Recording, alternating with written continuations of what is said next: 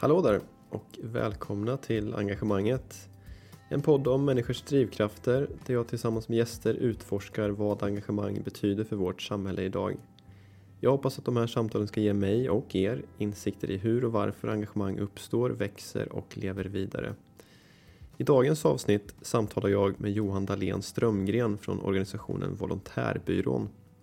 Och det säger sig självt egentligen. Jag kan inte göra den här podden på ett trovärdigt sätt utan att prata med Volontärbyrån.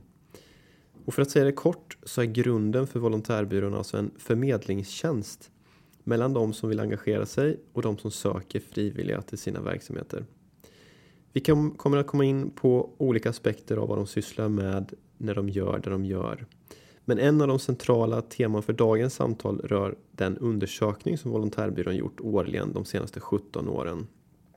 Om svenskarnas trender kring att engagera sig.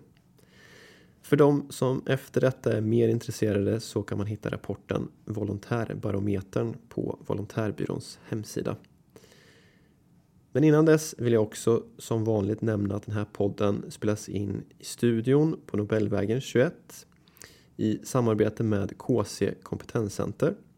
Och KC Kompetenscenter finns framförallt till för personer verksamma inom den idéburna sektorn. För dem att verka i de olika roller som krävs för en engagerande verksamhet till gagn för individen och samhällets demokratiska utveckling. Och för övriga sektorer i samhället att öka kunskapen om och förståelsen för den idéburna sektorn.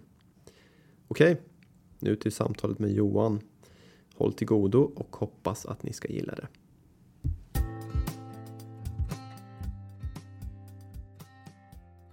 Då säger jag så här, välkommen till podden Johan Dahlén Strömgren. Jättekul att få ha med dig här och få en stund här på, på morgonen och snacka om eh, engagemang. Men till att börja med bara, eh, så om du hade varit i Malmö så hade jag naturligtvis bjudit dig på en kopp kaffe, men det, det är lite svårt nu. Men eh, hur är läget på morgonen här? Är du, är du i ordning och redo? Ja, men det är bra Tom, jag, jag har fått en kopp kaffe ändå. Eh, jag jobbar ju inom föreningslivet, så vi dricker mycket kaffe. Eh, så det, det är toppen. Ja, men det är bra, skönt att höra Johan. Du, jag tänker en del av det här samtalet skulle ju handla om resultatet från eh, volontärbarometern mer specifikt. Och det här är ju någonting som ni har gjort årligen de senaste 17 åren. Eh, och anledningen till det är att jag gärna vill höra mer på och se mer på hur ni ser ja, trender inom engagemang helt enkelt i, i Sverige. Men innan dess, för att få börja från början lite grann, eh, undrar jag om du kan säga någonting eh, om varför volontärbyrån, det, som där du jobbar, varför, varför det grundades? Ja, men absolut. Vi, vi har ju en grundare som heter Amelie som hon jobbade som rekryterare och mötte många människor i sitt jobb som också var intresserade av att engagera sig ideellt och det hon märkte var att många visste kanske inte riktigt vart de skulle vända sig. Det fanns ett engagemang eh, men man kände till några få organisationer som ofta kanske hade kö ehm, och då eh, tänkte hon att det här är ju dåligt. Det finns ju tusentals föreningar i Sverige som skriker efter fler frivilliga. De måste vi synliggöra. Så då startade hon Volontärbarometern. Eh, eller Volontärbarometern, hon startade Volontärbyrån. Mm. Ehm, som ett sätt att sammanföra människor som vill engagera sig ideellt med föreningar som har ett behov av fler frivilliga. Hur länge sedan var det här Johan? Det var 20 år sedan ungefär. I, mm. september blir vi 20 år så att eh, vi har funnits ett tag nu. Wow. Hur skulle du beskriva då volontärbyrån för någon som inte känner till det sedan innan? Väldigt kortfattat vad ni gör just nu.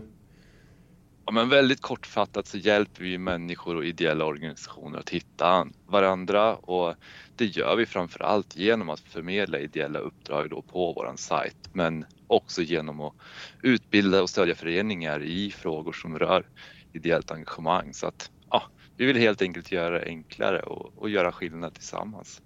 Mm. Hur länge har du själv jobbat där? Eh, tio år ungefär. Så, att, eh, så du har varit med ett tag nu? Varit, jag har varit med ett tag också, det har jag.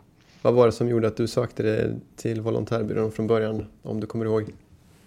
Eh, jo men det, det kommer jag nog ändå ihåg, eller det var väl mer sådär som, som mitt liv har varit i allmänhet, att slumpen tar mig mm. hit och dit. Men, men jag har ju en bakgrund som kulturgeograf och pluggat mycket mänskliga rättigheter och hade väl ganska tidigt en idé om att jag vill jobba inom, inom civilsamhället. Eh, hamnade på volontärbyråns huvudman Forum som praktikant Eh, och Forum jobbar ju mer med så förutsättningsfrågor för ideell sektor i stort och det är någonting som jag aldrig riktigt hade funderat över att det var någonting som behövdes också men det, det gör det ju såklart. Eh, några som driver på hur bidragsgivandet utvecklas och momsregler för föreningar och sådär. Eh, och i slutet på min praktik så blev jag erbjuden att få jobba med ett projekt på Volontärbyrån som handlade om inkludering och hur ideella föreningar i Sverige skulle kunna bli bättre på att nå utanför eh, den grupp som man oftast når mm. och jobba med, med interna normer och sånt. Så det mm. tyckte jag, det lät ju väldigt spännande så det kunde jag inte tacka nej till. Så därför blev jag kvar på Forum och Volontärbyrån och har varit kvar sedan dess. Just det. Det där måste vi komma tillbaka till här lite senare så jag gör en notering på det där med ja, breddad rekrytering, för det tycker jag är spännande också. Eh, om jag får lov att ställa en eh, kanske lite svår fråga, men lite fördjupande fråga som jag tror ändå att du har tänkt på med tanke på att du har jobbat med det du har gjort de senaste tio åren.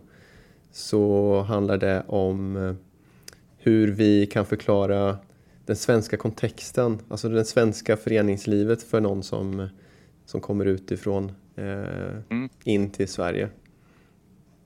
Ja, eh, jag hörde faktiskt en person en gång för några år sedan eh, använda en bild på en tom gata med massa hus Eh, och frågade då åhörarna, som i det här fallet var personer som ganska nyligen hade kommit till Sverige och frågade så här, men vart tror ni svenskarna är? Eh, och svaret på frågan var ju så här, nej men vi svenskar vi, vi är ju inne i de här husen, vi träffas inte så mycket ute på gatan och gör saker tillsammans utan vi träffas ju inne i husen, vi träffas ju i våra föreningar där vi eh, gör roliga saker tillsammans eller där vi engagerar oss för för rättighetsfrågor eller för att vi som kollektiv ska få det bättre till exempel. Så att eh, det tyckte jag var en ganska bra bild att visa på att vi svenskar, vi gillar att göra saker tillsammans i förening och vi har ju en väldigt lång tradition av att organisera oss i föreningar också. Eh, så det tycker jag är, en, är väl en ganska bra bild att använda sig av, att visa på. Vi kanske inte gör allt så spontant mm. Eh, på gatan utan vi organiserar oss och gör saker tillsammans i förening. Vilket såklart ibland eh, kan verka exkluderande också för att då kanske du behöver kunna språket för att hitta till de här föreningarna. Du kanske behöver känna till eh, vad en förening är, hur en förening fungerar och sådär. Så det är någonting som, som jag ofta pratar om när jag möter föreningar, att vi har någon slags kollektivt ansvar att också berätta för människor som inte är föreningsvana vad en förening är och hur, hur vi funkar. Mm. Vad tänker du om eh, det här med varför vi engagerar oss i, i Sverige då, i den svenska kontexten? Vad, det, vad har du mött för argument vanligtvis eh, på den frågan?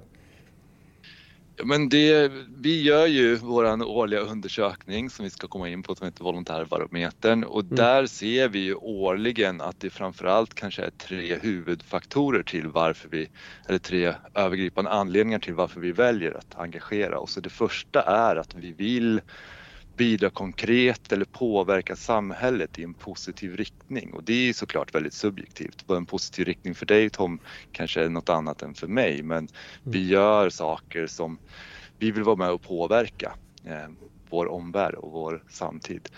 Eh, en annan sån viktig anledning är personlig utveckling. Alltså jag kanske vill testa nya saker, jag vill utvecklas som person, eh, kanske lära mig nya saker så. Eh, och en tredje eh, anledning som kanske ibland är den absolut viktigaste är ju den sociala aspekten. Att lära känna nya personer, att hitta nya vänner, utöka sitt personliga nätverk och eh, det vi ser är att många söker sig till ett ideellt engagemang när man är vid någon slags brytpunkt i livet. Så det kan vara när jag har flyttat eller när jag har börjat studera, när jag har gått i pension eller när jag har bytt jobb och så, då kan ju det sociala vara extra viktigt. Att kanske liksom mm. skaffa sig ett nytt socialt nätverk i det här nya. Eh, platsen i livet jag befinner mig på. Det där sista, det här har jag inte tänkt säga nu, men det sista eh, rimmar ju väldigt väl med mig själv. Det du säger, eh, och jag hade inte tänkt på det innan, men när jag flyttade till Malmö för 16 år sedan mm. så hade inte jag något så stort nätverk här i stan och jag visste inte riktigt hur jag skulle ta mig an eh, det och skapa mig ett nätverk. Så då var det ju faktiskt volontärbyrån som eh, jag använde mig av för att hitta ett, eh, ett uppdrag i Röda Korset. Då. Kul! Det, ja, det var ju skitkul och det skapar ju, jag har ju vänner kvar från, från den tiden fortfarande. Så, så den, den kan jag verkligen bekräfta då. ja, ja, men jag tror inte att du är ensam om det heller. Nej. Du, på volontärbarometern som sagt. Eh, mm. 17 år har ni gjort den. Vad, vad, vad är det för någonting?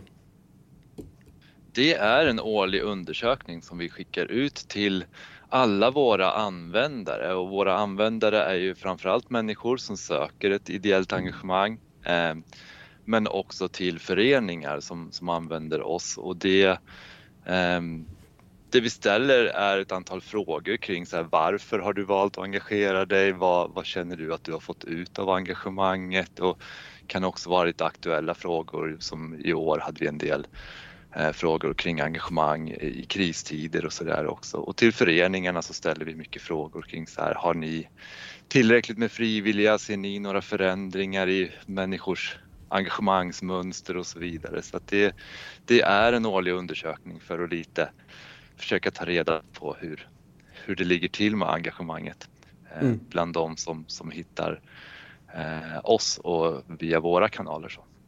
Jag tycker det är intressant bara i sig att läsa den här rapporten ju.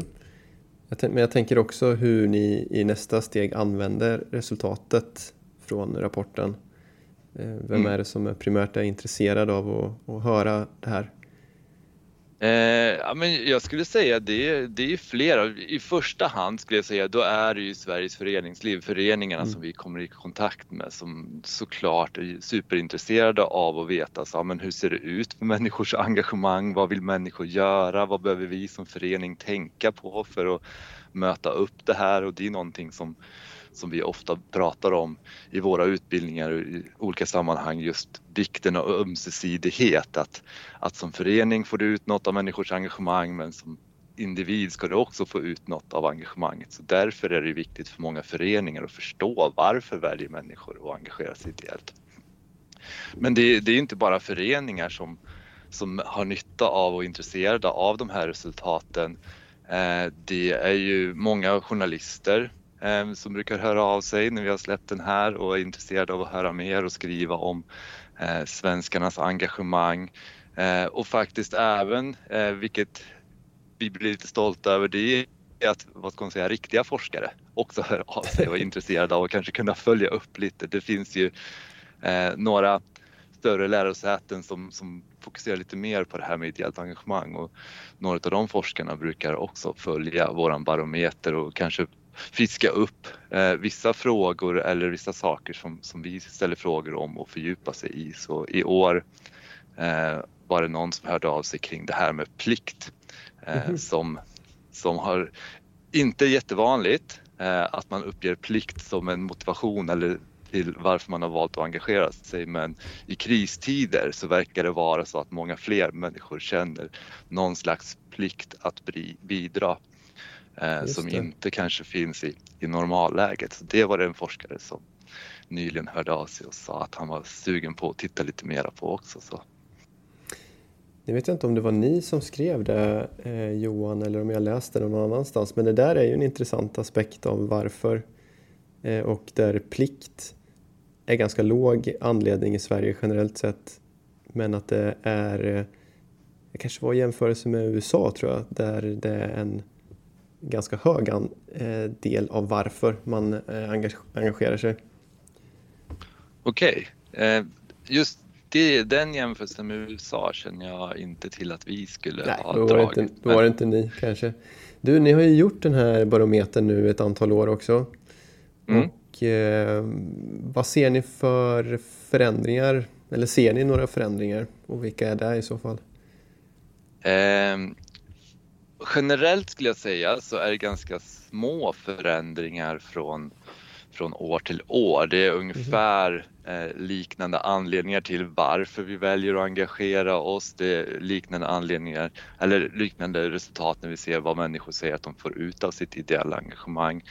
Det som skiljer sig är snarare kanske lite vad ska man säga, det som har varit fokus i samhällsdebatten eller aktuella frågor ser vi påverkar engagemanget. Så under metoo eller efter metoo så har engagemanget för ja, eh, kategorin kvinnor som vi då har, liksom, den har ökat och även eh, flyktingfrågor 2015 var ju jätte, jättestort och det fanns ett stort engagemang kring det. Nu har det varit väldigt mycket under pandemin. Eh, mm frågor som har varit kopplat till pandemin. Så det är väl de förändringar som vi kan se mer eh, som, som, ett utslag av vad som händer i samhället i stort. Mm. Eh, det vi också ser lite från föreningar är att många föreningar verkar uppfatta det som, och det känner vi också igen, att människor är lite mer rörliga i sitt engagemang idag än man kanske var tidigare. Så att, eh, vi är fortfarande lika engagerade men vi flyttar runt lite kanske mellan föreningar och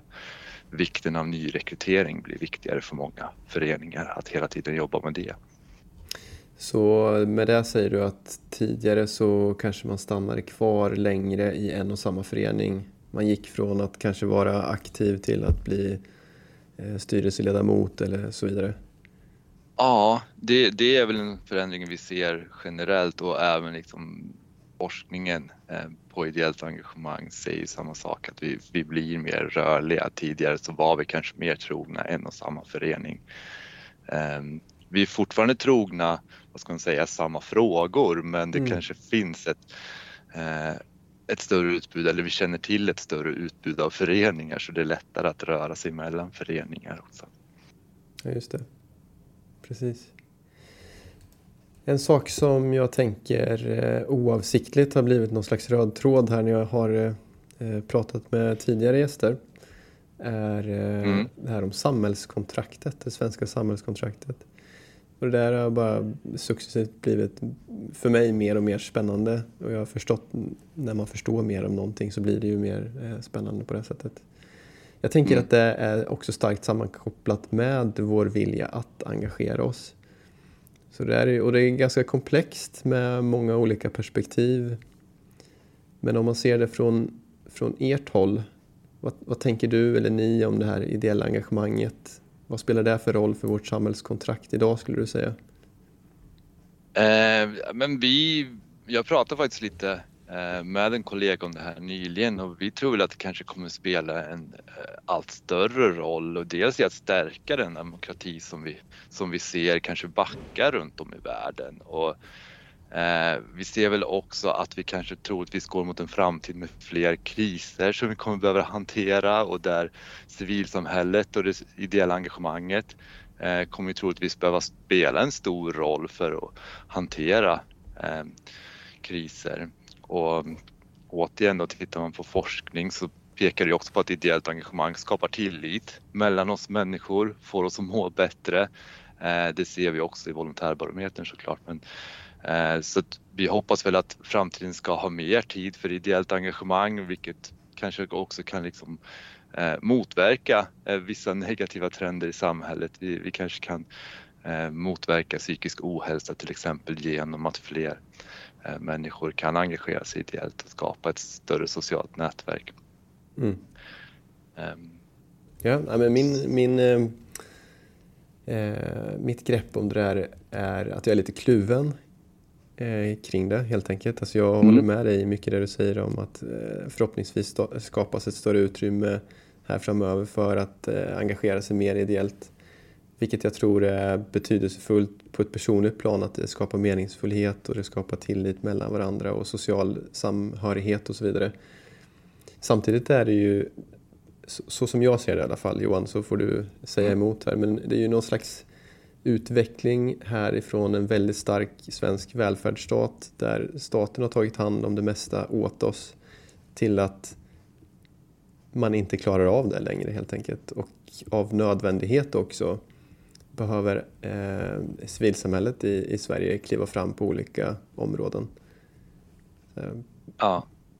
Har du någon åsikt om det jag säger nu eller låter det helt korkat? Eh, nej men så har det väl kanske sett ut också genom historien. Många av de innovationer som har kommit fram, så bibliotek och barnavårdscentraler och det finns ju en rad olika sådana eh, funktioner som har kommit fram som sen har tagits över av staten har ju kommit från civilsamhället från början. Så där tror jag eh, jag delar väl din bild av att vi som som stat kanske inte kommer liksom kunna hantera allting lika bra som vi har kunnat under en, en blomstrande eh, tid. Men eh, Ehm, ja, det krävs väl att det hela tiden sker i dialog, att det inte bara lämpas över på civilsamhället utan att civilsamhället också liksom får vara med och eh, diskutera och påverka ehm, samhällskontraktet så att det inte bara blir att eh, staten eller kommunerna checkar ut och säger att det här får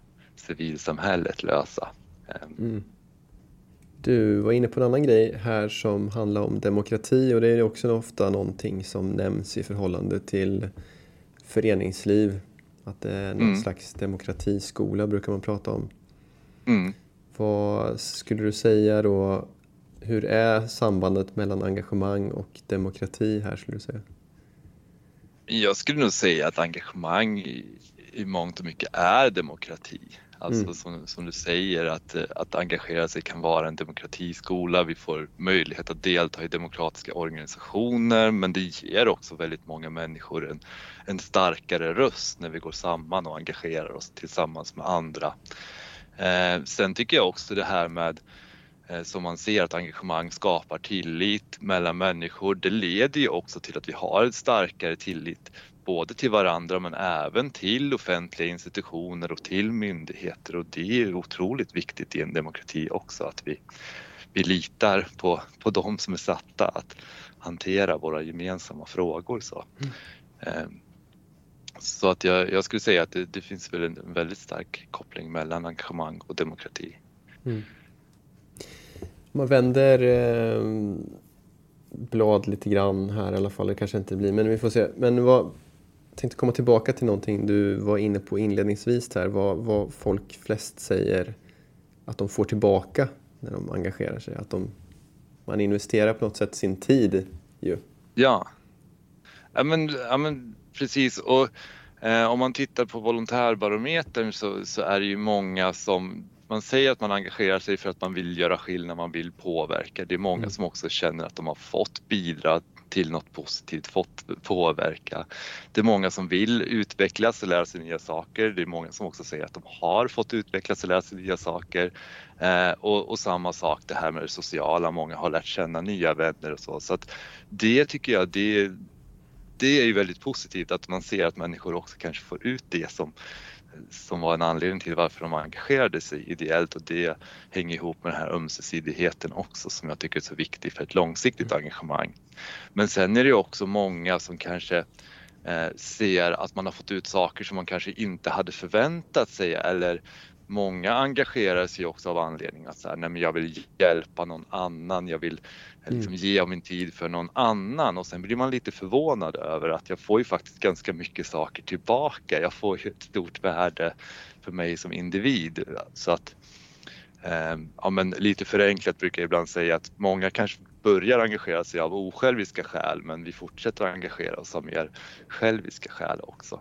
Mm. Någonting som, som många också säger att de får tillbaka är ju just det här meriter till CV och nätverk och kontakter som kan hjälpa till i arbetslivet. Det är väl kanske inte heller någonting som, som den som engagerar sig initialt säger att så här, det här är min starkaste drivkraft till att engagera mig men, men det är någonting som, som ändå kan vara en vinst för många. Precis, det var det jag hade en följdfråga kring arbetsmarknad där. För eh, i Malmö bland annat så har vi ju det finns säkert flera olika projekt som föreningar gör i Malmö men ett som jag känner till heter Engagemang i Malmö som ju mm. handlar om att skapa ett, ja, men ett större nätverk för utrikesfödda eh, eh och på så sätt, ja, det är inte bara det värdet som man vill skapa men ett, ett av dem är att man kommer närmare arbetsmarknaden genom då att vara med i en förening och liksom bygga nätverket på det sättet. Mm. Det ser ju vi i våran undersökning. Jag tror att det var runt eh, om det var runt 30 procent eller runt 40 procent, nu får jag gå tillbaka och kolla kanske, men eh, som säger att ideellt engagemang har hjälpt dem i arbetslivet och det kan ju vara dels genom eh, kontakter, nätverk men också genom att jag har fått möjlighet att skaffa mig eh, meriter eller erfarenheter som, som sen har eh, gett en skjuts i arbetslivet. Eh, så, så det, ju, det, finns ju en stark koppling där. Och jag minns också ett samtal som jag hade med en kvinna för, för några år sedan. Och hon hade jobbat länge, sen hade hon blivit arbetslös och hamnat i en tid där hon satt och sökte jobb på jobb eh, och hamnade längre och längre ner eh, personligen i, liksom, och mådde sämre och sämre. Sen började hon engagera sig ideellt. Eh, fick tillbaka sin självkänsla, fick tillbaka sin tro på sig själv och hon, hon sa det att så här, nu ser jag återigen att jag har ju, jag har ju en kapacitet, jag är ju bra på väldigt många saker och det gav henne återigen en skjuts att kunna eh, fortsätta söka jobb och fick ett jobb till slut. Så att för henne hade det betytt väldigt mycket också i den här svackan, att kunna komma ur svackan och, och återigen få energi och återigen få tillbaka något slags eh, egenvärde hos sig själv där, där man börjar tvivla på så här, men jag kanske inte ens liksom har något att bidra med längre. Det. Så det tror jag är en underskattad eh, fråga också när det gäller ideellt engagemang. Att det, det får människor att känna sig bra på saker, det får människor mm. att eh, känna att de, de är värdefulla och kan bidra. Vilket också såklart är väldigt viktigt på, eh, på arbetsmarknaden. Ja, jag håller helt och hållet med i det här Johan. Och eh, det leder mig också lite grann till hur, eh, jag vet ju att ni har skrivit om det i volontärbarometern, hur eh, engagemanget är distribuerat eller fördelat i, bland den svenska befolkningen. Och det knyter också an till det vi börjar prata om här med breddad rekrytering in till föreningslivet. Så, men om du kan eh, hur ser, hur ser liksom trenderna ut där? Alltså, vilka demografiska skillnader finns det mellan män och kvinnor till exempel? Mellan de som har mer resurser, mindre resurser, utrikes, inrikes födda och så vidare? Ja, eh, och där får jag nog hänvisa både till vår undersökning Volontärbarometern men även till en befolkningsstudie som Marie Cederschiöld högskola gör mm. eh, var femte år också för de tittar mer på befolkningen i stort. Vårat, eh, de som besvarar våran studie blir ju mer eh, ett tvärsnitt bland våra användare som inte är befolkningen i stort. Så att det vi ser hos, hos våra användare är ju att det är en majoritet av kvinnor, en ganska stor andel kvinnor som väljer att söka ideella uppdrag via volontärbyrån Eh, Eh, det hänger ihop med att det finns ganska mycket socialt inriktade uppdrag att söka på volontärbyrån och det säger forskningen i stort att kvinnor är överrepresenterade när det gäller socialt inriktade frågor generellt medan eh, vi män, vi väljer att engagera oss i eh, idrotten i stor utsträckning, vi sitter i styrelser och sådär. Så att den skillnaden finns ju lite mellan kvinnor och män om man ska liksom jämföra de grupperna. Eh, sen finns det såklart andra sociala faktorer som spelar in också. Att det är vanligare bland de som är ideellt engagerade att man har ett jobb, att man har en högre utbildning. Människor som, som redan har ett ganska stort socialt nätverk tenderar att i större utsträckning också engagera sig ideellt och människor som såklart också kanske har en, en stabilare livstillvaro rent ekonomiskt också har ju också en kanske större möjlighet att lägga sin tid på ideellt engagemang än människor som, som får kämpa dagligen för att få, få livet att, att gå ihop. Eh, mm. Det känns ju som att det är lite, antingen är det en god, för, för vissa är det en god spiral och för vissa andra är det en ond spiral. Så, här, så som jag hör dig säga nu. Alltså, har du några tankar om hur man bryter upp det här? För att många av dem som skulle behöva vara med eh, i en förening, till exempel från den här berättelsen om den här kvinnan mm. du, du, precis eh, berättade om. Eh, mm. hur, hur gör vi här för att bryta de här spiralerna?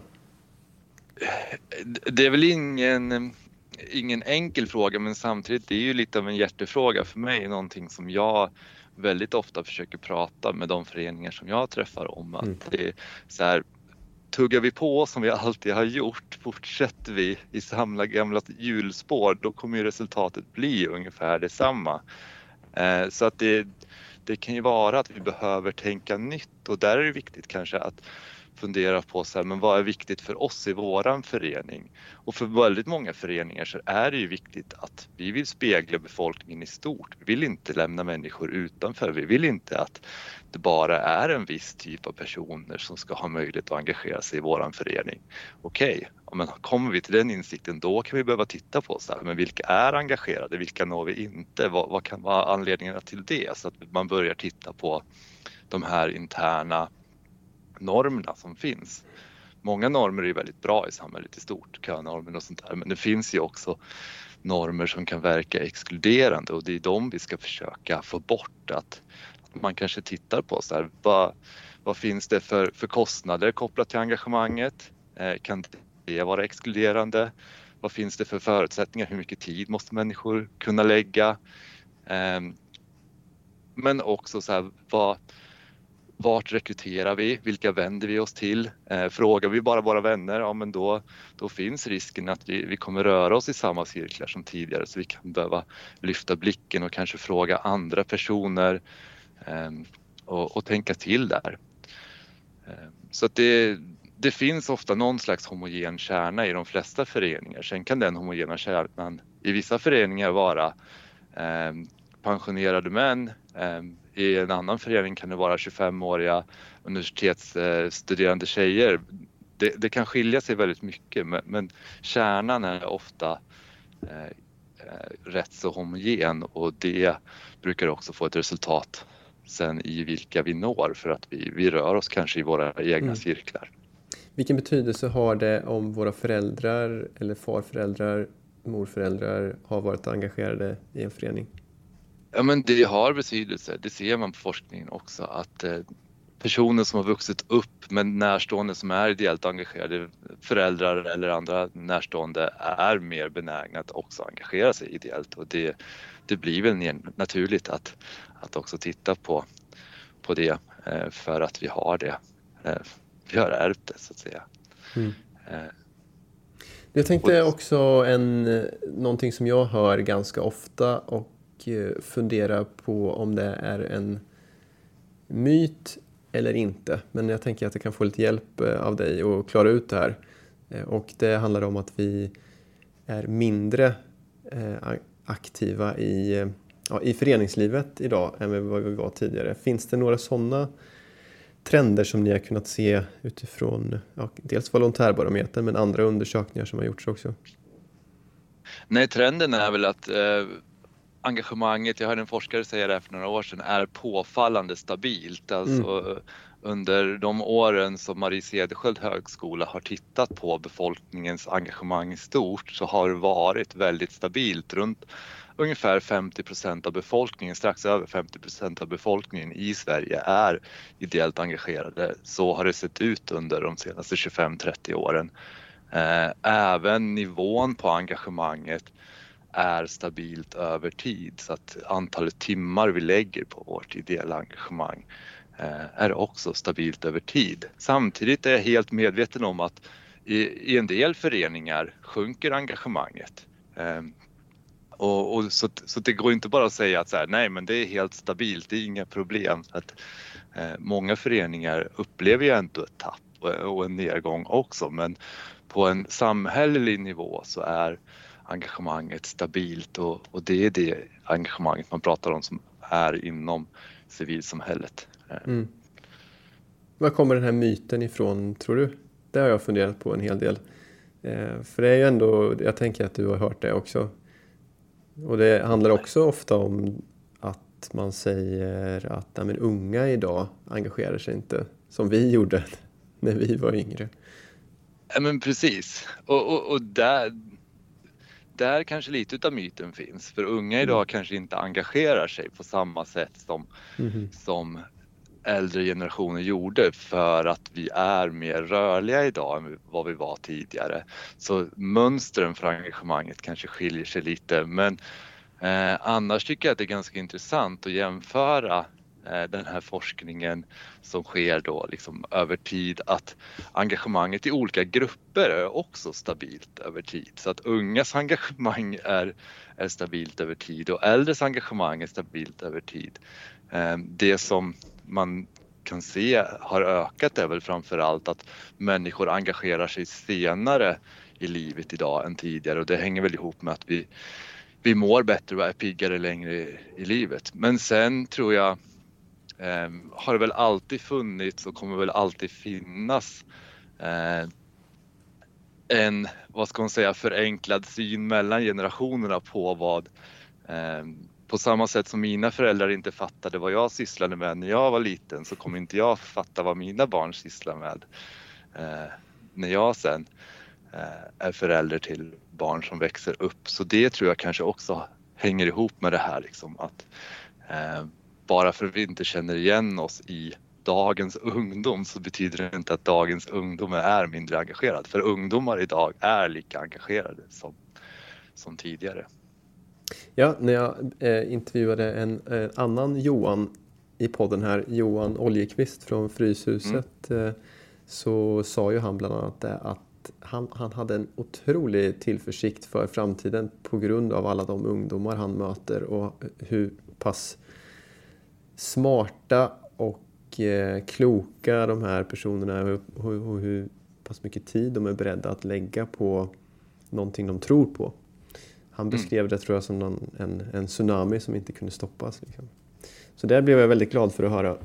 Ja, ja men verkligen och, och jag tror att vi, vi behöver bli bra också inom civilsamhället på att ta tillvara de ungas engagemang och också även om det ser lite annorlunda ut eller de har andra idéer, andra tankar på vad, vad de vill göra med sitt engagemang så kanske det är det vi också på tal om, på, på tal om inkludering också behöver ta till oss. Att vi kanske inte alltid kan fortsätta göra på samma sätt eh, som tidigare. Vi mm. har en, som, en tjej som gör praktik hos oss just nu och hon eh, kunde inte förstå att vi inte hade något TikTok-konto till exempel för att det är ju framförallt den, den bästa kommunikationskanalen just nu. Så, så liksom sådana enkla grejer kan vara eh, också en lösning för att lyfta blicken och kanske eh, nå lite nya målgrupper också. Mm. Har ni TikTok-konto nu då? Det är på gång. det är bra, bra svar. Det här med kriser Johan, som mm. på något sätt har blivit det nya normala känns det ju som. Den ena krisen avlöser den andra och det är kanske är någonting vi får vänja oss vid på något sätt. Men eh, där finns det ju, vi var inne på det förut också och du nämnde att här blir det vanligare att se eh, att anledningen till att man engagerar sig beror på att man känner en plikt för att göra det till exempel. Men mm. vad är det ni har sett här nu under ja, förra årets eh, barometer? Sambandet mellan kris och engagemang. Men det, det vi ser är ju att eh, människors vilja att bidra ökar ju väldigt mycket under kriser och det eh, tror jag också hänger ihop med nyhetsrapporteringen. Får vi höra om lidande, får vi höra om saker hela tiden, varje dag, varje ekotsändning så så kommer det nya rapporter från, från Ukraina om hur människor eh, har det jättedåligt där. Då ökar ju såklart våran vilja att också bidra till, till förändring där och det är det vi också ser på volontärbyrån att när en kris uppstår, när det blir väldigt mycket fokus på en viss fråga, då vill väldigt många människor bidra på, på alla möjliga olika sätt. Så att, eh, det är ju någonting vi har sett. Eh, redan liksom 2015 när det kom väldigt många människor på flykt så fanns det ju också ett superstort engagemang för, för det och sen har det varit skogsbränder och det har varit pandemier och, eh, och sådär liksom. Och i alla de här kriserna så ökar människors vilja att, att engagera sig. Ehm, så, så det är ju någonting som, som vi ser och det som jag tycker kanske har varit intressant nu framförallt när det gäller Ukraina-kriget det är ju att eh, där har behovet eh, hos föreningslivet kanske inte alls varit lika stort som människors vilja att, eh, att engagera sig och det, det finns något slags problematiskt i det också för att det är också frustrerande att känna att jag vill göra något, jag vill göra skillnad men jag behövs ingenstans. Det är ingen mm. liksom som kan ta tillvara på mig och eh, det som jag vill utföra just nu. Så det är också någonting som, eh, som händer tycker jag under kris, att det, människor vill också få en möjlighet att bidra. Kan ni, eh, liksom, kan ni slussa vidare de personerna till annat? Under Ukraina-kriget nu så var det ett enormt tryck framförallt för några månader sedan och det var väldigt, väldigt många människor som, som ringde oss om allt möjligt. Eh, det vi gjorde då, för det fanns inte ett jättestort eh, vad ska man säga, det var inte jättemånga föreningar som publicerade uppdrag som beskrev hur människor kunde hjälpa till. Så det vi gjorde då var en artikel där vi försökte beskriva att så här, ja, men det som behövs just nu är att du peng skänker pengar till den här typen av organisationer. Det kan vara liksom den här typen av saker efterfrågas. Det kan du eh, eh kontaktade kontakta de här organisationerna om. Vi försökte också reda ut vart om du som privatperson vill hyra ut din bostad eller låna ut din bostad gratis, vart ska du vända dig? För det var en enorm förvirring bara kring liksom, vart man skulle vända sig. Så, så i de lägena har vi försökt att kanske gå utanför det vi gör i vanliga fall och försöka liksom ändå hänvisa människor rätt. Men Eh, vårt fokus är ju annars mest på ideellt engagemang, det som liksom föreningarna efterfrågar och det som eh, människor kan bidra med inom föreningslivet. Eh, men det känns också som att under våren så har många föreningar varit ganska bra rustade. Man har byggt upp en, en förberedelse, en förmåga att kunna hantera kriser kanske på ett annat sätt också. Mm. Med lärdom av tidigare kriser så har många också sagt att så här, nej, men vi tar inte in människor förrän vi vet att vi har behov av dem just för att slippa det här att man har rekryterat tusentals människor som man sen måste säga tyvärr, det finns ingenting för dig att göra just nu. Mm. En sak som vi nog alla har lärt oss eh, från de här kriserna är ju att det är svårt att, svårt att sia in i framtiden egentligen. Det känns ja. ju som att eh, man inser mer och mer att vad som helst kan hända när som helst. Så att vi, det kanske har varit bra för oss att, för att vi ska kunna agera på ett annat sätt i stunden, i nuet. Men om man ändå ska, om du ändå får lov att se in i spåkulan lite grann.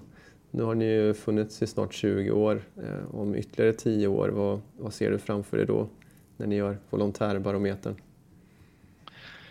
Ja, men I och med att engagemanget um, har varit så pass stabilt under så pass lång tid så, så tror jag nog ändå att det kommer fortsätta vara eh, stabilt. Men, men det här med eh, att vi rör oss mellan olika engagemang och olika engagemangsformer, det tror jag ju kommer eh, fortsätta också. Att vi, vi är mer rörliga. Ehm, och där tänker jag också att det är någonting som är viktigt att ta med sig många föreningar har redan med sig det här att vi är ett enat föreningsliv, vi är ett enat civilsamhälle. Och jag tror att det är viktigt att inte se på varandra inom civilsamhället som konkurrenter utan att vi gör goda saker tillsammans. Och har du Tom eh, varit engagerad i min förening ett tag och sen flyttat vidare till en annan förening så, så får vi vara nöjda att du har spenderat den tiden hos oss under den här perioden. Och så kanske det kommer någon från den föreningen till oss istället. Så att vi, vi utbildar personer, vi, vi föder ett engagemang som, som forskningen också säger, har du väl börjat engagera dig så är chansen väldigt stor att du fortsätter engagera dig. Och väldigt många människor är ju också engagerade i fler än en förening. Så att eh, det tror jag är någonting vi behöver vara förberedda på inom föreningslivet att människor kommer röra på sig så vi kan inte sitta still och tänka att nu, nu har vi hittat Tom, nu kommer han vara här i 15 år utan att eh, vi är beredda på den här rörligheten men att vi också kanske omfamnar den och eh, samarbetar med varandra och ser att engagemang föder engagemang. Just det. Du, hur rimmar allt det här då med eh, dig själv? Du började ju med att säga att du eh, hamnade på volontärbyrån för att du ville jobba i civilsamhället. Har mm. du någon eh, ork och lust över till att göra någonting annat när du själv kommer hem från jobbet? Eh, jo, men, men lite grann. Det har väl skiftat eh, genom åren också. Det, framförallt så tycker jag att eh, eh, ofta får jag kanske hålla mig lite tillbaka i och med att vi, vi är den här rekryteringstjänsten där massa olika behov eh, synliggörs hela tiden så blir man ju rätt ofta sugen på att hoppa på olika uppdrag som dyker upp där. Det kan vara liksom senior-VM i pingis eller liksom mm. olika grejer som dyker upp som man aldrig har tänkt på att det här skulle ju också kunna vara en möjlighet. Men eh, om man ser till vad jag gör just nu så eh, det enda löpande engagemanget jag har för tillfället är att jag sitter som valberedare i ett studieförbund. Eh, och det, det är faktiskt väldigt kul och, och mm. lärorikt. Men sen, eh, ja, jag har ju en, en lång bakgrund eh, inom föreningslivet som ungdomsledare i olika organisationer och sådär också. Så att jag är ju medlem fortfarande i massor av föreningar och hoppar ju på ganska mycket den här olika tillfälliga upprop och eh, protester som görs och, och insamlingar och, och, den typen påverkanskampanjer. Så, mm -hmm. så, den typen av sporadiska inhopp gör jag också. Och sen eh, har jag en femåring som precis har börjat spela fotboll. Mm -hmm. och det kom ett mejl häromdagen faktiskt bara att de behöver fler ledare.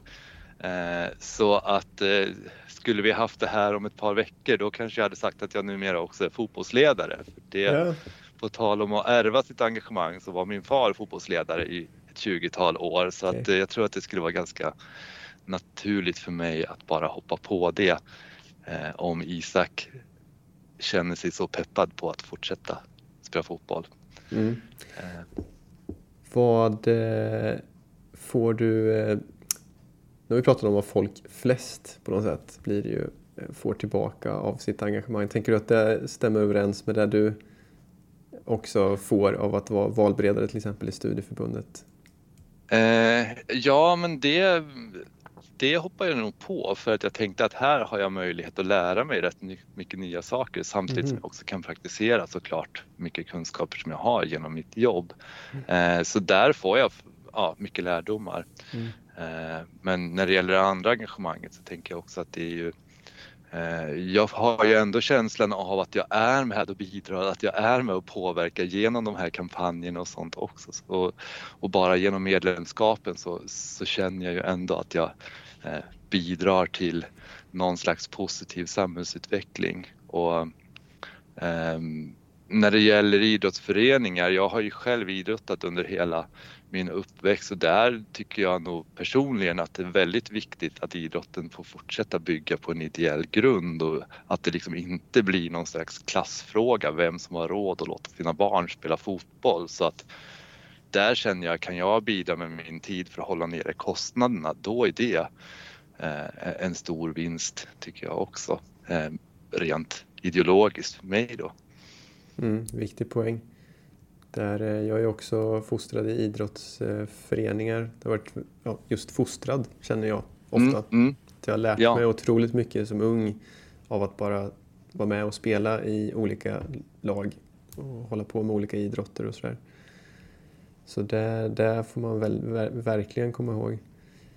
Ja, Johan, jag tänker att vi ska avrunda lite här eh, helt enkelt. Eh, men vad är det som ligger på ditt skrivbord just nu som känns extra kul som du ska ta tag i? men, någonting som känns eh, superkul var att vi eh, har en ny medarbetare som precis börjar jobba nu eller har börjat jobba den här veckan i Göteborg så vi har chansen att eh, nu finnas lokalt i Göteborg med ett lokalkontor där och det, det tycker jag känns väldigt kul mhm. just nu att få introducera Elin som hon heter i det här och det är någonting som jag ofta tycker är kul att få vara med och, och, bygga upp, skapa nytt, bygga någonting nytt från, från grunden så och det har vi möjlighet att delvis göra här nu i Göteborg när vi har fått medel för att finnas lokalt där så det känns väldigt kul just nu. Härligt. Då måste, kan jag inte låta bli att fråga om eh, ni inte ska komma till Malmö också och skapa ett lokalkontor här. Jag hoppas det. Eh, vi jobbar på det.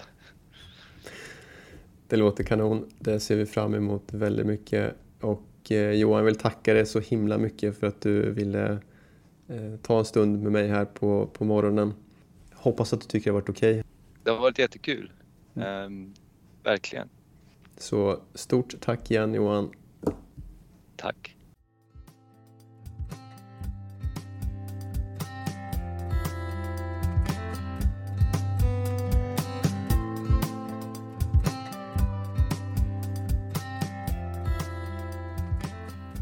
Det var allt för idag. Tack för att ni har lyssnat.